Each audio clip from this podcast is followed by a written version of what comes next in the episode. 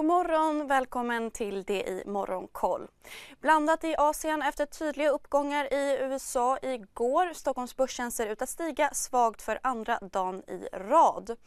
Tokyobörsen håller stängt. Shanghai och Shenzhen handlas runt nollan medan Hongkongbörsen stiger 1 från och med imorgon skärps inreseregler i Shanghai och kraven på covid-testning utökas i Peking. Bland bolagen handlas techsektorn volatilt. Enligt Bloomberg är det uppgifter om Kinas miljardböter mot fintechbolaget Ant som bidrar till spekulation i sektorn.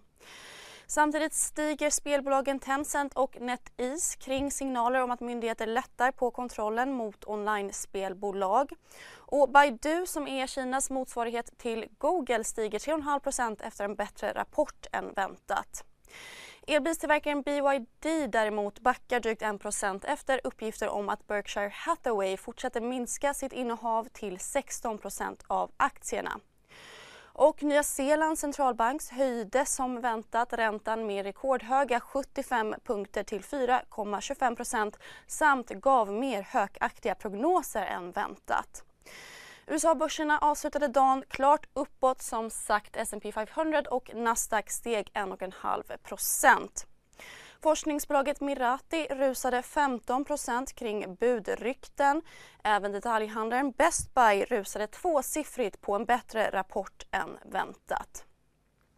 H&M konkurrenten Nordström rapporterade en något bättre försäljning än väntat men vände till en svag förlust och sänkte helårsprognosen. Har du också valt att bli egen? Då är det viktigt att skaffa en bra företagsförsäkring. Hos oss är alla småföretag stora och inga frågor för små. Swedeas företagsförsäkring är anpassad för mindre företag och täcker även sånt som din hemförsäkring inte täcker. Gå in på swedea.se företag och jämför själv.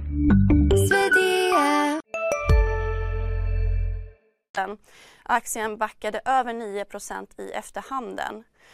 Datortillverkaren HPs aktie steg en halv procent efter att ha rapporterat en något bättre vinst än väntat men även meddelat att man säger upp personal.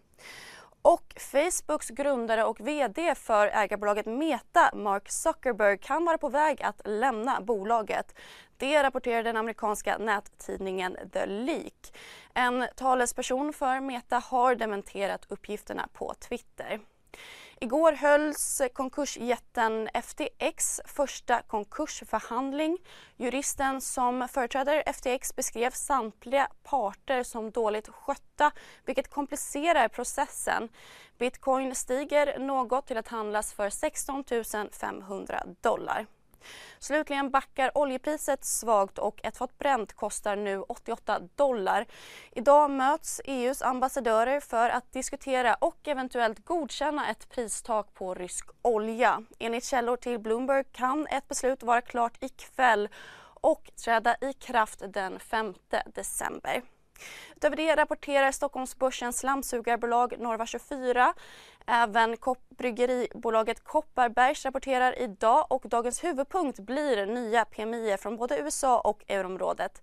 Dessutom presenteras protokollet från Feds senaste räntemöte ikväll klockan 8 svensk tid. Men först Börsmorgon 8.45.